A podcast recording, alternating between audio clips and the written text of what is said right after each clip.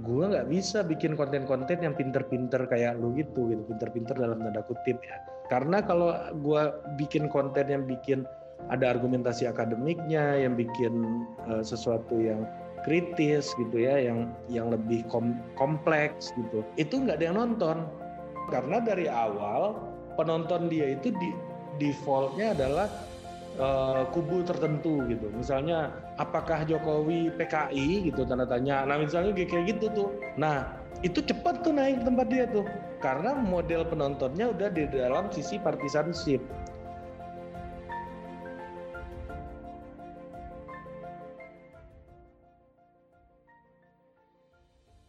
Halo, assalamualaikum warahmatullahi wabarakatuh. Ketemu lagi dengan saya. Waalaikumsalam warahmatullahi wabarakatuh. Dijawab dulu dong.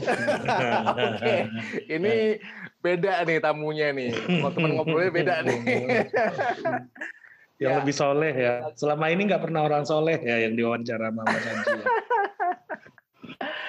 Oke, ketemu lagi dengan saya Wahyu Aji di podcast Setengah Isi. Podcast ini saya buat uh, tujuannya adalah untuk sarana saya sebetulnya untuk belajar dari orang-orang yang saya anggap uh, semua orang pasti memiliki sisi yang bisa kita pelajari dan salah satunya adalah orang yang sedang bersama saya hari ini.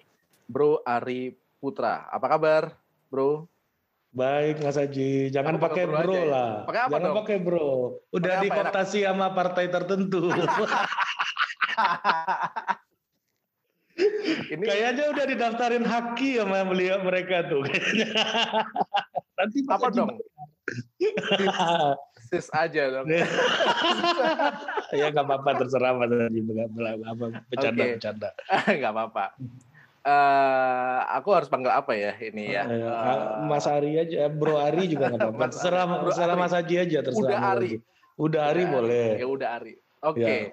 Jadi uh, saya lagi bersama dengan seseorang yang saya pikir ini sangat unik orangnya. Saya mengenalnya sejak mungkin tiga tahun yang lalu kali ya, da, ya. Empat tahun mungkin empat tahun ya, Empat tahun ya. lalu gitu kan. Saya ngelihatnya uh, udah hari ini memang talented Uh, dia lulusan sosiologi UI. Apa dari penampilannya sebenarnya hedon banget nih, gitu kayaknya. Sebelah mananya? Coba. Hedon itu sejahtera, makmur gitu kan. Oh iya iya. Tampilannya iya, iya. gitu kan. Iya, iya, iya. Tapi dia adalah dalam hal nutrisi ya. nutrisi. Dia pembaca yang cermat, membaca buku, pembaca fenomena, pembaca situasi gitu. Hmm. Dan dia sekarang uh, membangun sebuah perusahaan yang disebut-sebut uh, perusahaan masa depan bernama Total Politik. Iya, masa depan mas, belum ada masanya sekarang. di di perusahaan masa depan tuh biasanya gitu mas, orang-orang bilangnya tenang bro, belum masanya. Sabar bro. Sabar bro, belum masanya. Dan inilah yang yang nggak berubah dari Ari Putra ketawanya. Jadi kalau misalnya dulu kita sering kali nih ngobrol di uh, saya sama teman-teman ada tempat bekerja di Ben Hill gitu. Kita lorong panjang, kalau ada Ari di belakang, ketawanya itu sampai ke depan tuh. Ini kas. Jadi sekarang sebenarnya buat apa? Bikin apa sih sebenarnya itu total hmm. politik itu sebenarnya?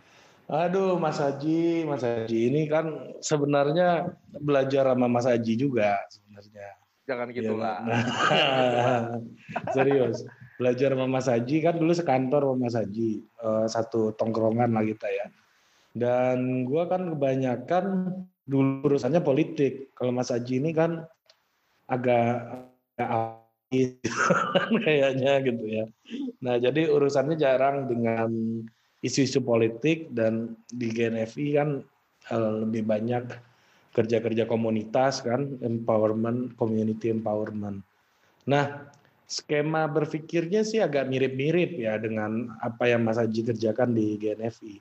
Itu eh, apa fundamentally itu banyak banget tuh yang gua kerjakan hari ini di Total Politik itu nggak jauh beda sama GNFI. Misalnya GNFI punya komunitas, membina komunitas, eh, Total Politik juga gitu. Jadi kita itu punya penonton sekarang itu lebih banyak penonton yang yang apa namanya yang yang sudah punya ya interaksi secara personal lah dengan orang-orang di total hmm. politik. Nah, sebenarnya gimana kita memulai sebuah usaha dalam tanda kutip usaha rintisan hari ini itu kan banyak sekali eh, perubahan mas. Jadi prinsip yang sem, apa namanya prinsip utama dalam membangun sebuah perusahaan rintisan itu adalah siap untuk berubah. Jadi apa yang udah kita susun-susun dua minggu, tiga minggu segala macam dalam satu atau dua hari mungkin bisa berubah. Misalnya kayak eh, jangankan eh, apa namanya eh, apalagi bisnis model, apalagi eh, eh, apa revenue stream gitu. Dari mana kita cari revenue ya biasa aja berubah-ubah. Karena pada hakikatnya kita harus siap berubah di dalam eh, membangun apa namanya usaha rintisan. Tapi ya gimana ya Mas? Sebenarnya apa yang gue lakukan hari ini itu sebenarnya jalan dari dulu sih. Kita jalan dari dulu kan udah banyak ketemu orang politik gitu ya, udah banyak ketemu sama orang-orang yang ber, ber, bekerja di industri politik dalam tanda kutip gitu ya. Gue pikir-pikir kan, gimana caranya gue bikin sesuatu yang orang-orang yang gue kenal ini bisa gue manfaatkan gitu. Nah selama ini kan cuma misalnya ketemu let's say ketemu orang kayak Rian Ernest, Valdo Maldini gitu misalnya. Ya kan? Dia banyak diskusi sama gua gitu. Katakanlah gua ngam, mereka ngambil manfaat dari apa yang gua tahu gitu soal politik gitu misalnya. Dan gua ngerasa ya kalau untuk yang profesional kan jelas bayarannya kan secara finansial gua dibayar gitu. Nah, tapi Sebagai kalau yang ya? iya sejenis konsultan itu kan profesional. Tapi kalau yang nggak profesional ini gimana gitu? Misalnya yang memang gue mengerjakannya karena ya gue senang aja gitu kan karena melihat profil misalnya katakan politisi muda karena gue senang aja sama uh, politisi muda gitu kan ya jadi berdiskusi sama orang-orang muda ini ya kayak ngobrol sama temen aja gitu kalau yang sama tua-tua kan senior-senior beda gitu loh mas uh, apa namanya eh, cita-cita mereka pikiran mereka itu udah sangat beda kalau yang anak-anak muda ini sedikit banyaknya masih ada titik singgungnya sama kita. Nah, hmm. nah gue berpikir ya gue bikin apa ya yang nanti suatu saat itu juga bisa mereka manfaatkan balik gitu orang-orang atau bukan maksudnya bukan Valdo, Rian Ernest atau uh, Dito Aryo Tejo atau teman-teman gue yang politisi muda semua bukan itu. Bukan itu bukan bukan langsung ke mereka juga tapi orang-orang seperti mereka. Orang-orang yang ingin menjadi mereka. Itu awalnya sih gitu aja sesimpel itu. Dan gue pengen bikin sebuah talk show politik yang pengen gue tonton. Sesimpel itu sebenarnya mas. Emang talk show politik yang biasanya ada seperti apa yang misalnya gini ya bukannya apa-apa ya. Misalnya ini sorry to say gitu. Gue nonton Najwa misalnya, gue sebut nama aja. Gue bukan bilang Najwa itu seorang interviewer yang jelek, bukan. Dia sangat bagus. Dia uh, seorang uh, eh, TV show personality yang sangat luar biasa. Jadi duta baca, jadi duta lain-lain. Tapi gue merasa kehadiran orang ke Najwa itu nggak sebagai subjek politik gitu loh, yang utuh gitu. Misalnya gue contohin interview dia sama Gibran yang terakhir gitu Gue ya. bukan bukan berniat membela Gibran juga di sini, bukan gitu ya. Mm-hmm. Nah, tapi banyak gitu hal-hal yang perspektifnya itu kalau lu memposisikan Gibran itu sebagai subjek politik gitu, dia itu akan banyak memberikan pelajaran sebenarnya, akan memberikan manfaat yang banyak. Misalnya gini, apa sih kritik lu buat Pak Jokowi sehingga lu butuh untuk jadi wali kota Solo gitu? Apa yang nggak berhasil dilakukan Pak Jokowi sehingga lu butuh untuk melakukan itu. Misalnya pertanyaan kayak iya, begitu yeah, kan? yeah, yeah. posisikanlah orang sebagai subjek gitu di dalam uh, talk show dalam uh, diskusi gitu. Nah itu yang menjadi kritik gue se selama sejauh ini. kalau melihat talk show kayak uh, Najwa uh, orang sebagai jadi apa? objek objek tontonan. Jadi Najwa cuma menyampaikan, ya gue nggak bilang gue juga terlepas dari itu 100% nggak juga gitu ya. Tapi upaya yang dilakukan Najwa misalnya dan sejenisnya gitu ya, tidak memberikan ruang yang utuh bagi orang untuk menjadi subjek, tapi lebih kepada objek gitu. Seolah-olah Gibran ini benar-benar dikontrol oleh Jokowi 100%. Hmm. Dia uh, nobody, yang nggak bisa apa-apa gitu misalnya. Sehingga dia sampai di situ penuh dengan kecurigaan orang itu intervensi Jokowi sepenuhnya segala macam segala macam gitu. Itu tanpa lu harus tanyakan Jokowi pasti ikut gitu loh. Nggak mungkin anaknya maju gitu ya. Dia nggak hmm. ikut satu satu senti aja dia nggak nggak naruh upaya di situ nggak mungkin gitu loh. Jadi itu hal yang nggak perlu lu tanyakan lagi udah.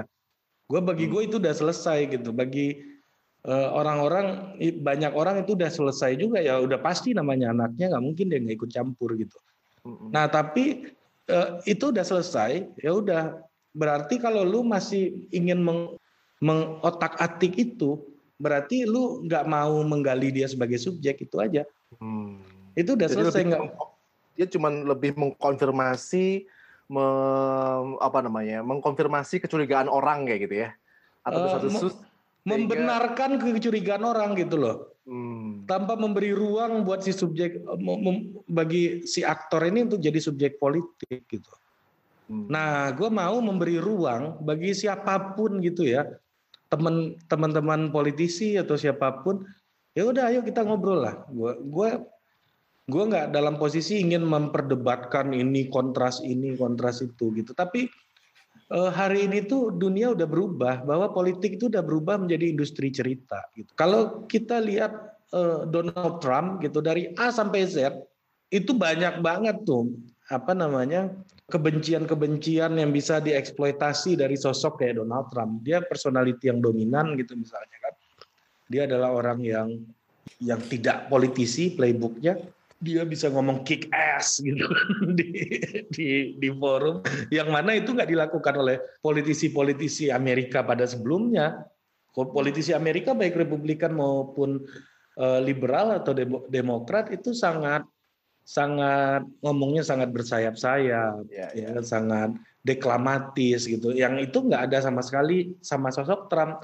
Nah, apabila kita melihat Trump dari sub, sebagai objek politik, ya objek itu objek yang mana tatanan nilainya sudah ada gitu ya, yang mengatur dia sebagai objek.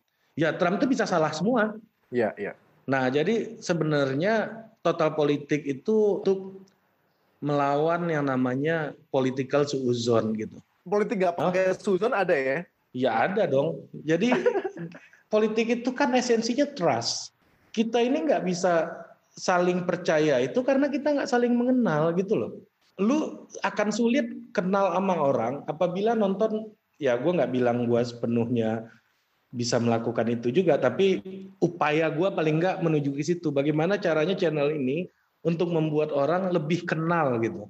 Ya, ya. Karena karena kalau kita lihat di industri TV itu nggak ada upaya untuk membuat orang mengenal, tapi ya, ya. tapi membuat semakin tinggi political suuzonnya gitu.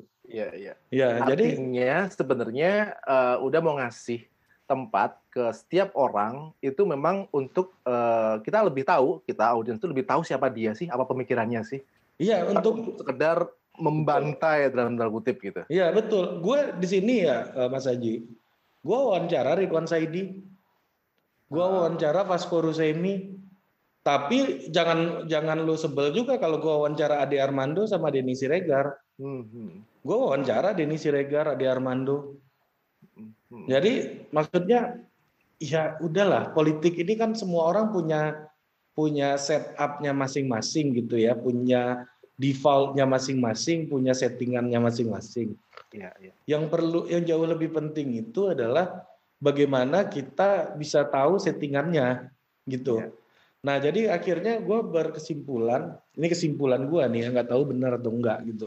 Kalau menurut researchnya IDN Times itu uh, ada 23 persen penonton uh, apa namanya konsumer berita-berita politik di Indonesia 23 persen segmen marketnya sekitar 23 persen yang betul-betul intens. Ah, oke. Okay. Nah dari 23 persen itu, gue akhirnya ketika masuk dengan total politik bikin YouTube channel, bikin media media-mediaan sebenarnya, hmm. Gue belum terus terang ini gue masih punya beberapa opsi ini mau di develop kayak apa ke depan gitu ya. Tapi yang pertama itu paling enggak gue berbicara apa yang gue sedang jalanin aja. Hari ini lagi bikin YouTube channel dulu gitu. Nah, tapi sekarang kayaknya udah uh, sama haluan dan itu gimana sih bentuknya? Sama haluan itu gue punya punya ide mau bikin kayak begini. Lu mau support nggak gitu kan? Nah, oh iya gue cocok lah gitu kan. Akhirnya mereka masuk untuk support beberapa hal gitu. Uh, masuk itu uh, jadi salah satu kanalnya atau gimana tuh?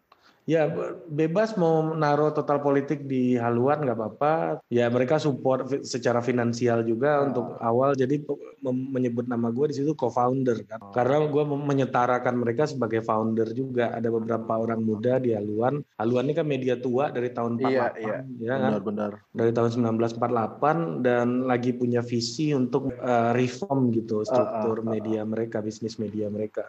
Nah di total politik ini ya kembali lagi ke cerita yang tadi Mas, e, sebenarnya upaya untuk membuat orang ya mem, ya industri cerita, balik lagi politik itu soal yeah. industri cerita. Uh, kita itu tahun lalu itu bikin survei, uh, dua tahun hmm. lalu 2018 juga bikin survei, itu tentang optimisme anak muda lah kayak gitu gitu lah. Oh iya iya iya. Gitu kan. Hmm. Dan itu yang paling bontot selalu di sektor politik. Betul, betul. Jadi betul. Uh, kita ada 27 27 sektor. Nah, politik itu paling ngebuat anak-anak muda itu nggak optimis gitu kan bahwa kondisinya akan lebih baik. Mungkin total politik akan menjadi jawaban kali ya. Kalau politiknya itu dilihat dari sisi total politik, kayaknya lu nggak bakalan sesuudon itu deh dengan politik. Ya, ya belum tentu juga. Bisa bisa jadi bisa jadi lebih suzon. bisa jadi lebih suzon. Nah, tapi gini Mas, itu menarik tuh optimisme di sektor politik sangat kecil dan memang kalau kita lihat ya bukan berarti kita harus bikin good, good news from politics juga gitu iya ya. Sih. Karena harus semua ada good newsnya juga sih. Boten juga kita nanti sobat. Eh, nah kembali ke yang tadi ya eh, segmen ini 23 persen mas. Nah jadi di dalam uh, dalam 23 persen itu gue membagi begini. Ada sekitar 70 persen segmennya itu yang adalah political partisanship misalnya partisan dalam artian dia benci Pak Jokowi gitu. Hmm, dia iya, iya. suka Pak Prabowo atau suka Habib Rizik pasti benci sama Jokowi. Misalnya kayak begitu ya. Ini misalnya. Ya, iya. Itu sekitar 70 persen. Nah, gue melihat ada sekitar 10 persen ini yang merupakan penikmat konten politik. Nah, ini berbeda nih. Ya, ya. Kalau di survei memang 70% itu pasti partisanship ini gua gua gua menurut gua ya ketika orang ditanyakan dan partisanship ini sangat ngaruh. Misalnya kalau yang ditanya pendukung Pak Prabowo sebelum Pilpres kemarin, ya Indonesia ini bakal kayak bakal ah, bakal bubar bakal bubar nih segera nih. Pasti kayak gitu jawabnya. Tapi kalau ditanya ke pendukung Jokowi sebelum Pilpres, Indonesia ini bentar lagi kayak Suriah gitu, bakal perang saudara gitu. jadi jadi apa namanya itu yang terjadi. Apalagi sekarang ditambah kalau Mas Haji nonton di Netflix misalnya soal apa social network gitu ya, ya. misalnya kan ada yang disebut dengan kutukan algoritma gitu. Nah, jadi kita dikutuk oleh algoritma terutama dalam dalam politik itu sangat ketara kan. Uh, langsung benci, langsung suka kita gitu ya. Nggak bisa keluar dari kutukan itu ya. Nah, sulit untuk keluar karena itu di dikurung sama algoritma gitu. Dikurung sama algoritma. Kalau di Amerika itu lebih terasa. Mungkin penjelasan film itu kalau di Indonesia masih agak kurang kita rasakan sih Mas menurut gue ya. Karena kita ini ya ini baru-baru ini aja dua kali ini aja Pilpres dua, ya. kebagi dua kayak gitu kan. Sebelum-sebelumnya kan enggak. Nah, kalau di Amerika mereka itu by nature udah bipartisan, udah udah dua gitu. Udah kanan dan kiri Republikan atau Demokrat. Orang Amerika nggak masalah agama lu apa, tapi kalau lu mau nikah gitu tapi lu eh, Demokrat, gua Republik, gua nggak bisa terima lu jadi mantu gitu. Jadi by nature udah kayak begitu gitu lah. Ditambah lagi kalau di Indonesia itu baru kita alami lebih parah ketika era sosial media ini sebenarnya iya. harus kita akui. Nah, apakah gua apa namanya total politik ingin berjalan melawan algoritma itu ya nggak mungkin juga, gitu kan berat juga kan, nggak mungkin gitu. Tapi iya. gimana caranya eh, apa namanya bebannya nggak begitu, apa kita nggak terlalu terseret kan itu aja pertanyaannya kan. Nah, ya itu mudaratnya lebih sedikit, penontonnya nggak naik-naik. Jadi kalau mau cepet naik itu bisnis mudorot tuh. Nah, ini buat teman-teman yang mau bikin konten politik ya. Caranya gampang aja. Udah, pilih aja musuh satu. Udah main aja di situ kalau mau cepet gede nih. Kayaknya itu bukan konten politik aja, semua konten. Iya semua konten nih gue. kan saya belum pernah saya belum pernah coba yang lain. Tapi kalau saya ngomong nggak nggak valid gitu loh. Uh, iya sama aja sih kita uh, ya walaupun betul juga mungkin kita juga harus uh, berkreasi gitu kan. Kayak apa yang kami lakukan juga itu mungkin trafficnya nggak akan semasif konten-konten lainnya sih. Ya karena yang baik semua. Baik semua. apa gitu kan. Tapi alhamdulillah juga misalkan kita udah ya sejuta dua juta uh, pengunjung setiap bulan. Tapi itu di tempat lain itu sehari tuh. Iya Mas Haji ini YouTube kita aja nih Mas Haji ini buka-bukaan aja ya. Itu watch time-nya max itu 2 juta kok 2 juta menit sebulan. Oh gitu? Uh, sebulan 2 juta menit kok. Tapi itu udah kalau kayak gitu itu sebenarnya udah apa uh, udah cukup bagus uh, untuk ukuran subscriber segitu. Sekarang 25 ribuan ya? 25 ribu satu. Atau di bawah Ya kalau gue sih nggak pernah berpikir soal subscriber dan statistik sebenarnya Mas Haji. Wah, jadi pikir apa dong? Uh, impact aja, Wah. manfaat aja. Mulia, jadi ya? ini ini bukan klise ya, maksudnya gini. Nah, okay. gua gua tuh nggak pernah mau terjebak apa yang diinginkan oleh orang. Kalau apa yang diinginkan oleh orang, gua hantam Jokowi aja isinya terus atau belain Nabi Rizik aja terus kan pasti gede. Ya kan itu kan yang diinginkan oleh orang. Nah sementara kita kan mau jadi konten kreator itu yang yang yang independen gue lagi pengen apa ya udah lo penonton gue yang tetap segitu ya udah gue syukurin aja. Nah misalnya gini Mas Haji.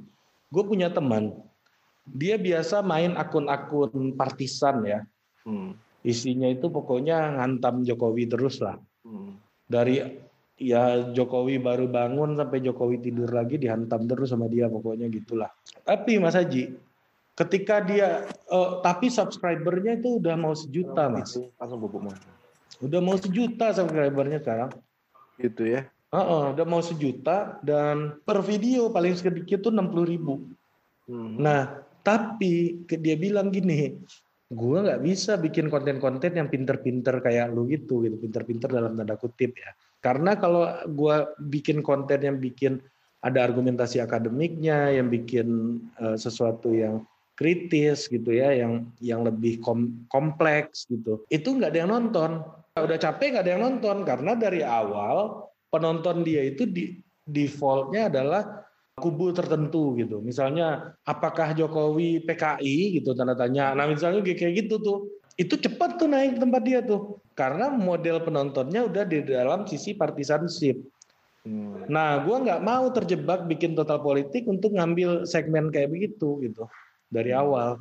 Tapi segmen orang-orang mungkin dia berpihak, mungkin dia punya keberpihakan politik, hmm. ya kan kita ya nggak ada yang salah dengan keberpihakan yeah. politik gitu ya. Hmm. Mungkin dia punya keberpihakan politik, tapi masih bisa diajak berargumentasi gitu. Nah, jadi segmen itu itu dan kenapa gue mengambil segmen itu karena media yang main di segmen ini itu bisa hidup dari penontonnya, Mas. Nah, itu yang udah gue rasain sendiri. Misalnya kayak sekarang nih ya, minimal listrik, internet, kopi, galon, yang itu internet.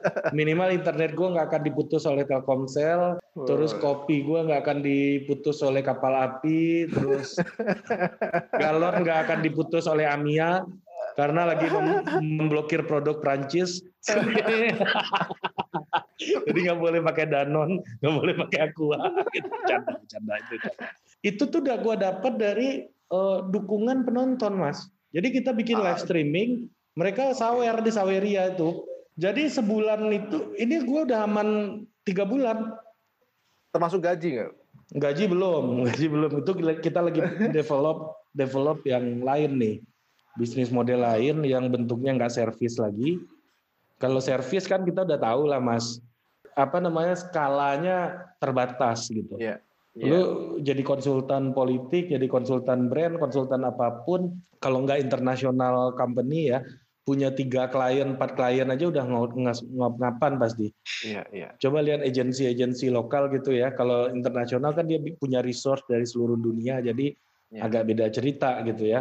Tapi kalau yang lokal gitu ya, punya klien tiga, empat, tujuh gitu tuh udah udah nggak mungkin lah dikerjain tuh udah berat banget itu, apalagi skala kecil-kecilan kayak. Nah, gue lagi coba berpikir tentang produk lain gitu, mas jadi hmm. apakah dari ya katakanlah penonton gue sekarang yang udah udah jadi yang donasi aja mas, datanya kita pegang tuh, yang bukan donasi, yang yang support ya gue nggak mau nyebut donasi karena gue nggak nggak lagi minta donasi gitu. Hmm. Apa namanya yang yang support untuk Saweria itu aja mas sejauh ini datanya itu udah 175 orang. Ini baru gue lakuin dua bulan nih, nggak tiap hari. 125 lagi. orang. 175 orang. 175 orang. Iya, ada yang ngasih dari sepuluh ribu rupiah sampai ada yang ngasih sampai enam ratus ribu rupiah, mas. Bagus dong. Hmm. Itu uh, tiap apa ngasihnya? Tiap, tiap kali kita live, ada tiap live, live streaming, tiap live streaming. Oh. Jadi live streaming kita udah pakai Saweria itu pakai gua nggak tahu siapa yang punya Saweria ya kalau ada yang punya bisa dipertemukan sama gua. Gua sangat berterima kasih sama yang punya. Idenya oke okay, gitu walaupun dipotong 5% gitu. Wajar Tapi, lah wajar. Ya wajar lah. Kalau nggak dia gimana mau jalanin bayar galon dia iya, gimana gitu kan Oh, nanti oh, bagi-bagi lah. nanti diputus sama aku ah galon dia nanti. iya benar. nah jadi udah pakai platform. Jadi kita orang-orang kan hari ini tuh kan kita udah dimudahkan banget mas. Bayangin mas Haji ya. Mas Haji dulu waktu kuliah kalau nonton acara politik ke TV pasti Mas Haji yang dikasih duit kan. Hmm. Iya. Gua ngomong politik di, di support sama orang pakai duit sekarang. Ya walaupun nggak gede-gede ya dalam artian. Iya, iya bagi gue apa yang dikasih oleh orang itu aja gue udah bersyukur banget. Lu lu nontonin gue terus aja gue udah something banget buat gue apalagi lu mau ngasih duit kayak gitu. Nah artinya gue merasa platform ini bisa hidup iya, iya. dari orang yang yang menontonnya dari penikmatnya. Nah da dari awal pikiran gue mau mau bangun total politik itu itu dari awal. Iya, iya gimana iya, iya. gimana caranya total politik ini memang hidup dari penontonnya. Dari awal gue udah berpikir kayak begitu. Ada orang-orang yang memang bisa nikmatin gitu konten politik. Makanya segmennya adalah penikmat konten politik. Benar. Kalau lu udah nikmat, lu akan mau support ini agar terus ada, kan gitu. Uh, politik konten politiknya total politik itu orang-orang macam apa sih sebenarnya? Kan Kalau, tadi itu 70% partisan ya. tuh Ya, partisan. Atau mungkin yang 30 persen yang non yang yang mereka lebih masuk akal lah uh, berpartisipannya, partisannya gitu. Ya, mungkin 30 persennya itu baru kita uh, itu yang lagi kita tap sebenarnya Mas. Nah, yang pertama biasanya adalah orang yang sudah bosan dengan konten dan berita politik di media-media dan yang ada di internet pada umumnya gitu bukan kan bosan dalam artian apa yang dibikin oleh media-media itu jelek tapi gue mau lebih gitu hmm, hmm, yeah. nah pada pada akhirnya orang kayak gitu dan pasti gue yakin penghasilannya di atas 4 juta mungkin kalau kita mau hmm. mau rigid ya hipotesa hipotesa gue karena ada yang bisa ngasih 600 ribu, bayangin. Hmm. Satu kali kita live itu ada orang, beberapa orang lah, ada yang 500, ada yang 600 gitu. Padahal bukan ustadz, bukan tokoh agama. Bukan gitu. kiai gitu kan. iya kan? Kalau ngasih tokoh agama kan jelas ada pahalanya nih. Iya. Nah, jadi gue lagi menghubungkan konten kreator konten kreator baru yang lain Daripada lu bikin channel sendiri, kan tadi Mas Haji bilang banyak pesohor yang lagi bikin channel. Yeah. Nah, ada kawan-kawan gue yang ngopi ngomong politik daripada lu capek-capek bikin channel sendiri, mumpung gue udah ada.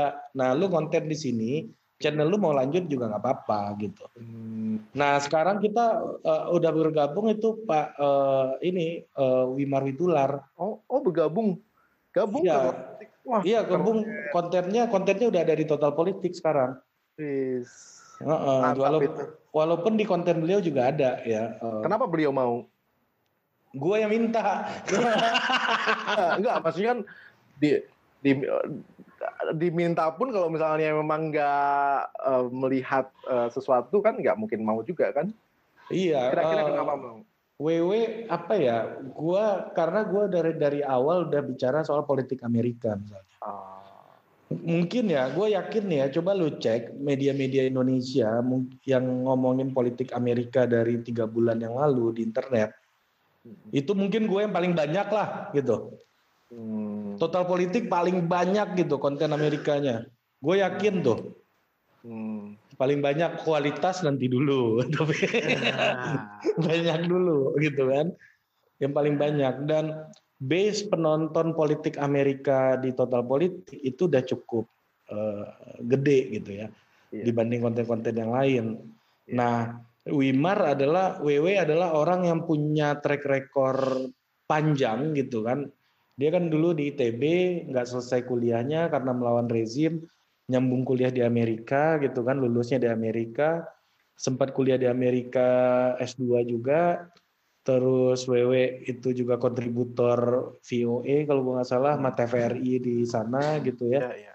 Nah jadi punya pengalaman yang panjang dengan Amerika. Nah ya ketika gue cerita gue udah begitu concern dari awal soal politik Amerika itu eh, WW tertarik gitu. Ya, ya. Nah tambah lagi gue eh, pernah dengar Miftah Sabri kan? Oh iya. Udah Paman kita Sab. kan. Hmm, Paman Sab personanya Pak Mansab itu apa ya? Gue mau bilang uh, itu begitu relate gitu, cepat ditangkap oleh penonton total politik. Ini kayak mereka punya paman di Amerika gitu ya, hmm. yang bawa cerita gitu, bawa bawa kisah-kisah dia di Amerika, ngelihat Donald Trump, ngelihat hmm. Joe Biden gitu, gimana pendapat itu kayak kita di rumah Mas Haji. Hmm. Kalau ada om kita dari luar negeri atau dari mana pulang gitu kan, uh, menceritakan kepada ponakannya iya, iya. dan Miftah dengerin, begitu dengerin dongeng gitu ya. Iya, Miftah begitu mendalami peran itu sehingga orang-orangnya juga pada senang gitu loh. Uh, uh, ponakan katanya kan dengar Miftah ngomong ponakan paman gitu kan, ponakan paman gitu. Nah, jadi ada personanya. Nah, kembali yeah. lagi politik itu soal uh, game cerita.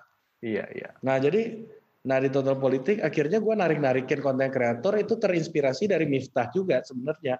Iya, iya, iya. Ya kan, uh, uh, bro, daripada lu hire editor gitu kan, mending lu bikin acara aja di total politik gitu.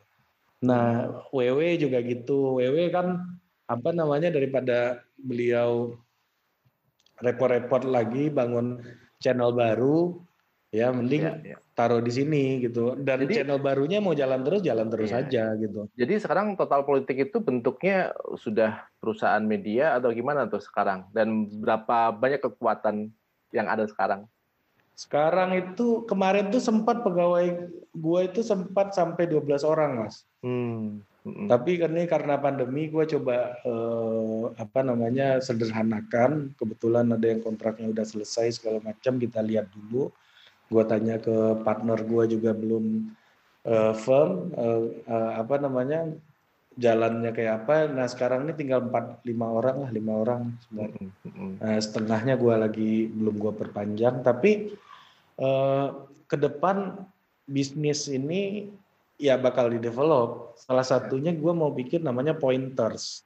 Pointers apalagi tuh? Uh, pointers itu media uh, apa namanya newsletter sebenarnya. Ah newsletter yang memberikan insight-insight soal politik dan banyaklah isu-isu sosial politik pada umumnya gitu ya. Berarti tapi tetap online digital ya? Digital uh, di berlangganan gitu. Hmm, oh, wah keren itu. Nah, jadi uh, pe, apa namanya uh, yang nyupport lewat uh, Saweria yang kemarin itu ah, ah. adalah uh, penerima pointers awal. Nah, jadi mereka yang pelanggan awalnya pointers gitu sebulan pertama gitu. Okay. Minimal kita udah punya pelanggan. udah punya pelanggan. Keren lah itu. Itu karena kan uh, apa namanya? Ya media kan iklan sudah sudah sudah lewat lah katanya kan dan, dan memang uh, berlomba-lomba uh, bisnis modelnya memang ke subscriber sih lebih ya subscription gitu. uh, tahu nggak ada pernah dengar uh, morning brew nggak morning brew ya Belum di di Amerika itu gue baca kemarin di Medium dia uh, udah sampai 8 juta dolar per bulan gitu uh, ininya revenue-nya. Modelnya modelnya newsletter itu. subscription. Memang kalau kayak gitu memang harus harus benar-benar punya nilai itu media. Iya, punya nilai, betul. Nggak punya nilai orang nggak Nah. mau untuk uh, Untuk dan media-media besar pun kan berjuang untuk itu kan, misalkan Iya, Kompas gitu. Betul, Uh, betul. aku akhirnya langganan juga lewat Kompas ID gitu kan. Hmm. Tapi itu pun kan setelah kita benar-benar yakin bahwa kita mendapat sesuatu manfaat nih dari media ini gitu. Betul. Nah makanya mas dari awal eh, gue udah udah berpikir bahwa total politik ini gak akan mengambil segmen yang besar langsung gitu. Jadi main di segmen kecil tapi orang-orang yang sudah punya eh, keinginan untuk me- membuat eh, platform ini lanjut, media ini lanjut. Gitu. Tapi kan sekarang eranya cepet-cepetan tuh. Da. Hmm. Misalkan kalau misalnya oke deh kita bangun pelan-pelan selapis demi selapis gitu kan. Hmm. Tapi itu kapan gitu kan? Eh, terus sedangkan mungkin ada konglomerasi ngelihat eh, oh ini menarik juga mainan seperti ini. Ya udah cari host atau mungkin yang mungkin kepintarannya setara- gitu kan, yang lebih menarik. Oke, besok pagi bikin jadi tuh barang gitu. Iya sih, memang ya itu itu yang yang yang yang harus dilihat. Makanya tadi eh, bagaimana caranya ya membangun loyalitas gitu dari Iya. orang-orang yang udah menonton kita, orang-orang yang udah mengkonsumsi beri informasi dan cerita di total politik. Sebenarnya makanya gue selalu menyebut eh, orang-orang ini adalah eh, konsumer cerita, mas. Iya, Kenapa gue menyebutnya konsumer cerita? Karena sosial media menyebut mereka user. Hmm. Yang mana di dunia ini yang menyebut pelanggannya sebagai user adalah pertama itu sosial media, kedua narkoba.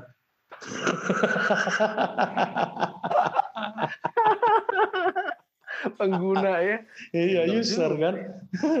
nah makanya gue dari user gue mau menyebut mereka itu customer. Jadi gimana caranya mereka itu adalah sebagai eh, customer dari cerita-cerita yang diproduksi oleh Total Politik. Ini soal ya, pemikirannya itu menurut menurutku fresh lah itu ya. Jadi customer dapat dari mana tuh kayak kebijaksanaan seperti itu. iya kan kita kan ini mas apa namanya hidup ini kan ketemu banyak orang lah iya benar Iya kan? benar. Iya kan Jadi, Kalau kalau mundur ke belakang sedikit nih, sedikit lagi. Jadi sejak kapan sih eh, terpikir ini dan kapan benar-benar dieksekusi gitu kan? Pas waktu kita empat Hmm. tahun lalu sering ketemu kan belum belum sampai se- belum sampai mulai kan? Bahkan Iya. denger, waktu itu aku enggak tuh. Maret Maret tahun ini mas baru mulai mas Oh iya? Iya konten pertama itu Maret tapi udah jalan Februari sebenarnya kita udah set up udah eh, rekrut tim dan juga udah bikin pilot bikin Total politiknya sendiri itu Maret tahun ini ya? iya Maret Tapi Februari aku kayak udah perasaan perasaan sering kali lihat udah ngobrol sama orang dan direkam itu yang oh di itu ya. di Arialog, di Arialog Dialog. itu. Oh. Ya, jadi gimana caranya eh, bikin di, di Arialog versi yang lebih gede gitulah intinya kayak gitu. Di Arialog ini kan Ari Putra gitu. Channel iseng-iseng aja gitu kan. Nah, di Arialog sendiri sebenarnya aktifnya itu dari Oktober lah tahun lalu. Baru juga.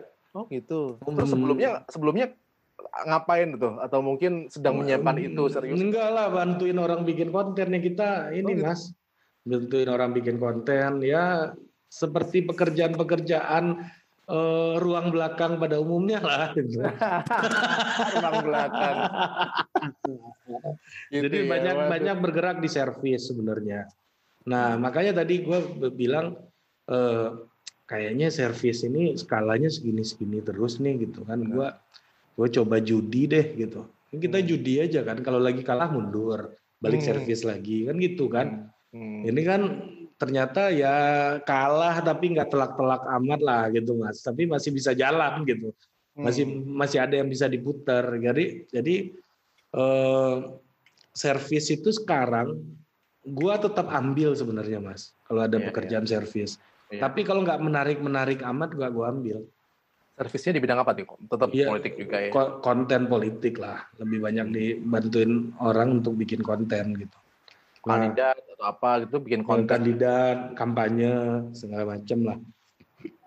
Standar lah itu bisnis model eh, kalau apa namanya gue menyebutnya post authoritarian rezim model bisnis model. Mantap. post authoritarian bisnis model karena rezim post authoritarian udah jatuh ya orang berdemokrasi. Nah, demokrasi uh. melahirkan berbagai macam uh, industri baru kan. Jadi uh. yang dulu kita nggak pernah dengar pas orde baru orang tua kita mana tahu ada pekerjaan Eh, konsultan politik atau pengamat politik gitu. Jadi sekarang kalau tanya orang tua apa kerjaannya? Oh, sekarang orang tua saya udah udah enak. Hari kerjanya apa direktur gitu. orang tua masih di mana di di Sumatera Barat di, di, di sini di Jakarta. Oh, di Jakarta. Udah, udah di Jakarta semua sekarang, Mas. Oh, tapi di Sumatera Barat kan? Iya, dari Sumatera Barat baru 2012 pindah ke sini. Oh. Jadi kayaknya ya gimana pun eh, Jakarta ini kan memang the land of hopes gitu. Uh, ya kan? The orang tua of... politisi atau pedagang? Pedagang lah. Nggak ada hubungannya kita aja nih politik-politik ini, Mas, Mas. Jadi tapi tapi ya itu tadi, Mas, apa namanya? Ya cerita orang tua gitu ya. Ya orang tua nggak ngerti lah orang tua gue yang kayak gini, Mas. Ini dia taunya Uh, kalau Ari masih transfer buat adiknya tiap bulan ya masih aman lah itu. Ah, kan itu uh, aja. Iya iya itu bukti iya. itu kan. Kalau ya, kita itu aja apa pun tapi uh, kita kerjanya lebih terdefinisikan tapi nggak mampu seperti itu. Ya, iya kan. Percuma dong pakai seragam tapi nggak pernah transfer adik itu kan ya ngapain gitu mending kita pakai kaos celana pendek aja tapi transferan lancar kan gitu. Mantap. Nah, tapi balik lagi Mas ke soal yang tadi Mas Haji tanyakan ya kapan dimulai. Ya sebenarnya pasca Pilpres 2019. Hmm. Nah pas Pilpres itu gue banyak ketemu orang. Nah ini pelajaran nih Mas. Iya. Gimana tuh? Ini pelajaran yang gue rasakan gitu.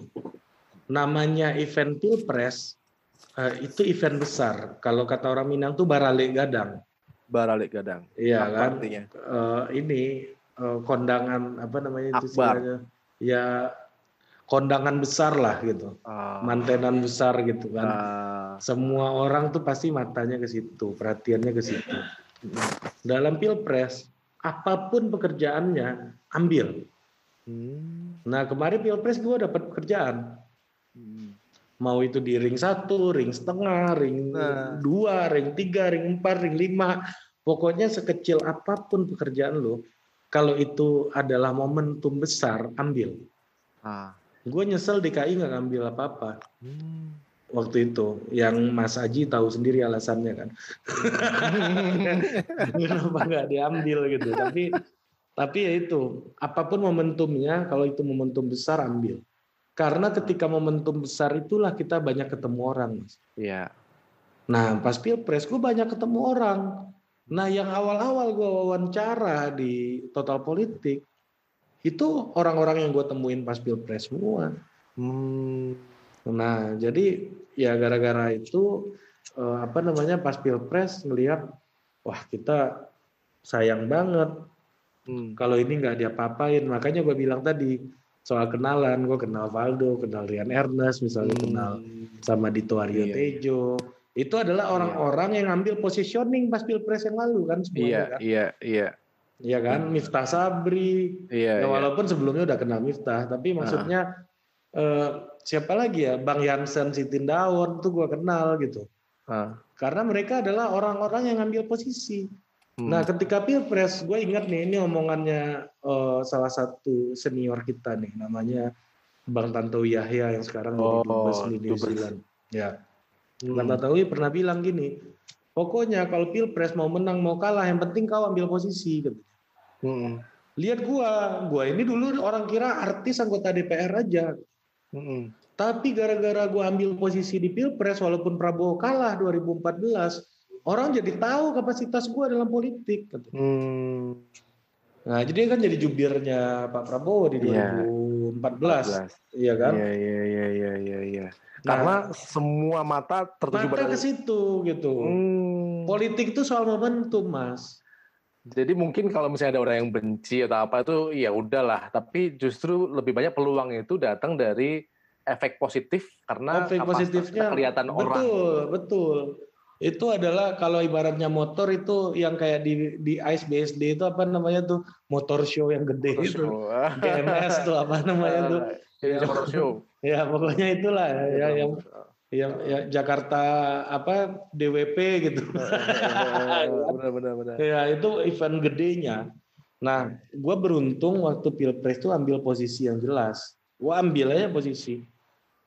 Ambil itu maksudnya eh, masuk ke praktis atau bisa masuk ke praktis, bisa bisa bikin konten, bisa apa pun, Mas. Yang penting take side. Udah, ambil aja posisi apa pun. Bisa posisinya jadi campaign manager, bisa jadi humas, bisa jadi apa, bisa jadi apa. Hmm. Karena dengan ngambil posisi di situ, lu bakal ketemu banyak orang. Kalau kemarin ngambil posisi yang mana? Mungkin pendengar ada Hmm. yang belum tahu nih. Ini pertanyaannya nih. Gak apa-apa kan ini kan apa namanya udah berlalu juga dan ini jadi Iya. pelajaran kita gitu kan. Nah kemarin tuh kan pas pilpres gue sempat bantuin eh, sebelum pilpres sebenarnya sempat bantuin Pak eh, Zulkifli Hasan di PAN. Oh iya. Nah, jadi pas pilpres ke bawah-bawah di PAN jadi banyak kenal sama orang-orang PAN bahkan di salah satu Instagramnya kelompoknya PAN ada Amanat Institut namanya dulu pernah Oh iya. kayaknya sekarang udah dihapus tuh sama admin barunya tapi yang lama tuh ada ada bahkan kok. ada- sekarang AI ada, kan? ada video gua di situ tuh Oh, Nah, udah dihapus sama admin barunya kayaknya. Nah, gue sempat bantu di eh, bantu di PAN gitu kan, tapi sebagai profesional gue bukan kader gitu. Nah, jadi makanya banyak berinteraksi sama Valdo misalnya kan, ya karena ya di situ dulu. Jadi banyak kenal banyak orang gitu. Dalam permainan politik elit kayak begitu di politik partai itu kan udah nggak terlalu baper lagi gitu ininya Iya, iya, ranahnya benar. namanya elit pasti elit itu hukumnya selalu moderat. Once lu jadi elit, lu akan ke tengah. Itu hukum alamnya itu. Udah. Artinya profesional lah. Kalau profesional Iya. tuh ya udah ini pekerjaan kok gitu kan. Dalam Enggak, kutip ya. elit elit partai maksudku, elit partai. Bahkan elit partai pun orangnya nggak baper kalau kita mau buka-buka. Yang baper pendukungnya. Yes. Maksud maksudku juga kita di Heeh. politisi elit tadi itu kan Iya, melihat betul. ini sebagai profesi mereka kan. Mm-mm, Dan namanya profesi Betul, itu yang penting betul. tujuannya gitu. Kalau Ya, caranya tujuannya. Bisa beda-beda gitu. Ya, Sekarang ada yang bisa gini, ada yang pakai gitu. agama, ada yang pakai marxisme, ada yang pakai macam-macam kan. Bener. bener. Jadi tergantung dia mau pakai apa gitu. Nah, waktu itu ya gue jadi banyak belajar juga sebenarnya. Dalam artian gini, bantuin orang politik untungnya adalah kita ngasah ilmu kita juga. Lebih banyak gitu karena mereka jauh lebih pinter daripada kita kan. Iya, iya, iya, iya. Iya kan? Lebih ke mana-mana, lebih di Iya. iya kan kita cuma mengerjakan satu pekerjaan yang mereka kalau mereka kerjakan itu kerjaan mereka yang lain jadi nggak jalan kan gitu aja sebenarnya. Iya, iya, iya. Dia butuh orang yang punya political mind gitu. Iya, iya. Ya tapi bukan politisi. Nah makanya gue jadi relevan untuk membantu di situ karena gue bukan politisi. Kalau gue juga juga jadi politisi mungkin tugas gue bukan bantuin itu, mungkin hal lain gitu. Iya, iya. Jadi politisi butuh orang yang punya political mind untuk berdiri di satu posisi yang yang mereka eh, apa mereka berikan gitu ya untuk membantu pekerjaannya gue pembantu aja kan. Hmm. Nah kalau mereka juga yang ngerjain misalnya eh, apa namanya di di PAN misalnya dulu kan Valdo di PAN Valdo gitu misalnya. Hmm. Kalau dia yang riset dia nggak sempat lagi masuk ke Iya. TV gitu. Tapi dia butuh orang-orang ini kan nggak aja Valdo ada banyak tuh kan Iya. orang-orang di situ Hmm. butuh researcher yang punya eh, perspektif politik gitu. Iya. benar. Yang punya yang ngerti gimana political experience. Nah terkadang ilmu politik kan nggak bisa dipakai plek-plek Hmm. di situ. Dalam artian gini, ada matematika politik yang yang harus kita pahami. Misalnya di dalam situ orang kayak Valdo itu bisa membela Pak Amin Rais walaupun ngomong apa pun gitu. Hmm. Karena itu ada ada keseimbangan politik internal yang harus dia dia ukur juga gitu Hmm. misalnya. Hmm. Dalam artian ya gitu dan orang yang menger, mem- mem- apa namanya bantuin research ya harus paham bagaimana Hmm, dinamika iya. internal itu juga gitu. Benar, Jadi Benar, butuh benar. orang yang punya perspektif politik juga sebagai Benar. ya kalau gua disebut politisi ya boleh aja tapi politisi yang mengerjakan bukan karena anggota partai politik mungkin Iya, gitu gitu. Bukan karena memang sedang eh, sebagai kandidat yang butuh dukungan gitu. Bukan ya, bukan praktis, bukan Bukan praktis. Nah, kalau politik praktis kan orang yang bekerja untuk langsung mengarahkan pilihan. Kalau gua kan enggak. Iya. Nah, Benar, makanya benar. kalau gua disebut politisi, mungkin politisi tapi bukan politisi praktis. Iya. Ya. Mungkin eh, ada di industri politik lah. Iya, ada di industri politik. Tapi kalau orang mau maksa-maksa nyebut gue politisi ya boleh. Iya, apa kan? Ya politisi. Tapi nggak ranahnya nggak praktis. Oke, Karena praktisnya kita kurang nih. Lebih jago mereka. Gitu. Karena nabung dulu kali ya. Tapi ke depan kayak gitu juga akhirnya. Atau Apa? kebayang mau masuk ke politis yang memang praktis? Aku sih nggak terlalu ini sih mas. Terus terang Saat aja nggak ter- ya. nggak- terlalu berminat lah untuk itu ya. Mungkin Kayaknya lebih lebih du- lebih lebih enak kalau misalnya punya teman banyak politisi kan. Iya, mungkin 20 tahun lagi. Gaya. Mas gaya Mas Gibran jawab pertanyaan dulu. gaya Gibran jawab pertanyaan Najwa. Iya. Mungkin 20 tahun lagi lah saya masuk politik. Tapi ternyata dipercepat. Ternyata dua tahun udah masuk dia. Ngomong-ngomong, sekarang usia berapa sih? 31 Mas. Mantap. 31 luar biasa. masih. Eh gua kenapa gua mau bikin total politik kayak begitu ya karena itu. Karena gua ngelihat sering kali melihat politisi itu Ya. sebagai subjek, Ya, bukan objek. objek. Sebagai, Sebagai subjek. Iya, mereka adalah subjek. Oh iya iya iya. Udah Nah. Ari melihat mereka itu sebenarnya sebagai, Sebagai subjek. Karena ya, Sayang kalau hanya didudukan sebagai objek kayak gitu. karena banyak orang yang melihat mereka sebagai objek tontonan kan. Iya, iya. Ketika lu mem- memposisikan politisi sebagai objek tontonan akan melekat berbagai macam stigma. Stigma bodoh, stigma korup, stigma jahat, Iya, iya. gitu kan. Ya misalnya kayak Pak Luhut gitu misalnya. Kita Iya, sebut nama aja deh. Gue personally sangat kagum sama Pak Luhut. Karena melihat beliau sebagai subjek. Gitu. Orang yang kuliah di apa namanya punya track record tentara gitu misalnya kan. Punya track record tentara, Kopassus gitu kan Iya, iya, iya. tentaranya nggak tanggung-tanggung loh. Beliau tuh Adi Makayasa loh. Tapi di satu sisi dia punya obsesi keintelektualan gitu misalnya. Ya, Ya, yang mana itu sangat tidak tentara, yang mana para intelektual banyak yang menentang rezim militer di seluruh dunia gitu ya. Ya, banyak intelektual yang pro supremasi sipil gitu Ya. di seluruh dunia gitu. Ya. Tapi Pak Luhut punya punya tradisi itu juga. Apa namanya? Beliau sekolahnya bagus, George Washington University gitu misalnya. Ketika kita mencoba melihat mereka sebagai subjek, ya itu akan mencoba membuat kita lepas dari stigma-stigma dan itu tadi menurunkan political suuzon gitu. Dan kalau kita lihat misalnya kembali ke Pak ke keluarga Pak Luhut, misalnya adiknya Kartini Panjaitan itu ketua Asosiasi Antropolog Indonesia yang menikah dengan Dr. Syahrir. Hmm. Dr. Syahrir itu adik iparnya Pak Luhut, pendiri PPIB di mana di situ partai yang membuat Ahok jadi anggota DPR pertama kali, DPRD pertama kali dan di PPIB itu dulu juga Rocky Gerung pernah di situ. Di mana Rocky sama Ahok ber- berkawan di situ gitu. Ah, Nah, akhirnya apa ya? Ya itu tadi kalau Mas Haji tadi sempat singgung kebijaksanaan ya, ya kita berpolitik untuk mencari kebijaksanaan kan gitu. Nah, ketika kita memposisikan orang sebagai subjek, kita lebih dekat pada kebijaksan kepada kebijaksanaan itu. Gitu. Dan kayaknya ini memang pada segala hal ya ketika kita nggak ngomongin politik aja. Betul. Ini ini poin-poin penting banget kayaknya Eh, karena memang selama ini kita sering kali terjebak pada stereotip, stigma Hmm. pada pandangan tertentu karena memang cenderung tidak menempatkan orang itu ya sebagai dia gitu kan. betul. Yang betul. kita pengen seharusnya gali kebijaksanaan atau mungkin betul, betul. utuhnya dari dia gitu. Ya, betul. Kita nggak mau kita lebih membawa prejudis kita ya. Bener. Apalagi Ketika- tambah lagi dengan tadi itu kita udah kadung punya stereotip. Nah, itu. punya, apa Betul. namanya kungkungan algoritma sosial media. Betul. Gua kemarin orang bilang misalnya Andi Malarangeng eh, mantan eh, Iya. terpidana korupsi. Iya, aku lihat tuh keren tuh juga. Gue ajak ngobrol kok. Keren. ya. Bukan berarti kebijaksanaan dia hilang di politik, bukan berarti Iya. gitu. Mungkin satu kasus itu dia ya kalau kita bilang politisi yang nggak punya kasus siapa sih? Gitu kan, ya kan? Iyalah. Iya kan? Nah, maksudnya bukan berarti kita bisa eh, tidak eh, belajar sama orang seperti itu dan punya banyak eh, kedalaman. Nih gue lagi ada sama Irman Gusman juga nih. Ini belum naik nih videonya nih. Ini udah udah gue wawancara juga.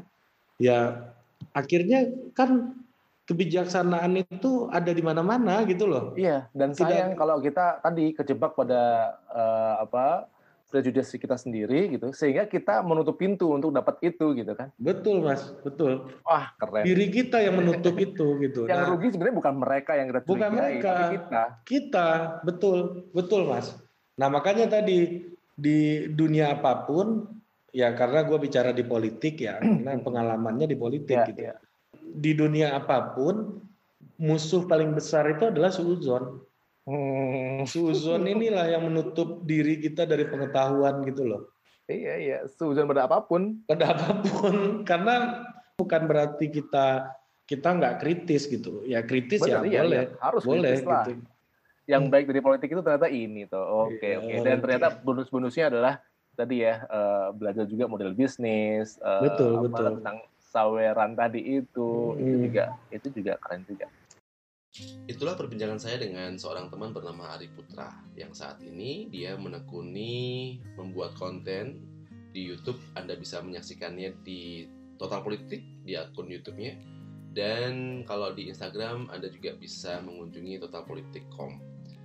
Mudah-mudahan Anda seperti saya yang merasakan gelas eh, tambah berisi setelah perbincangan tadi, tambah isi wawasan, pengetahuan, inspirasi atau mungkin bahkan eh, bahan bercandaan baru. Apa pun yang Anda dapatkan, mudah-mudahan itu bermanfaat dan sampai ketemu lagi di podcast setengah isi di episode-episode berikutnya. Salam.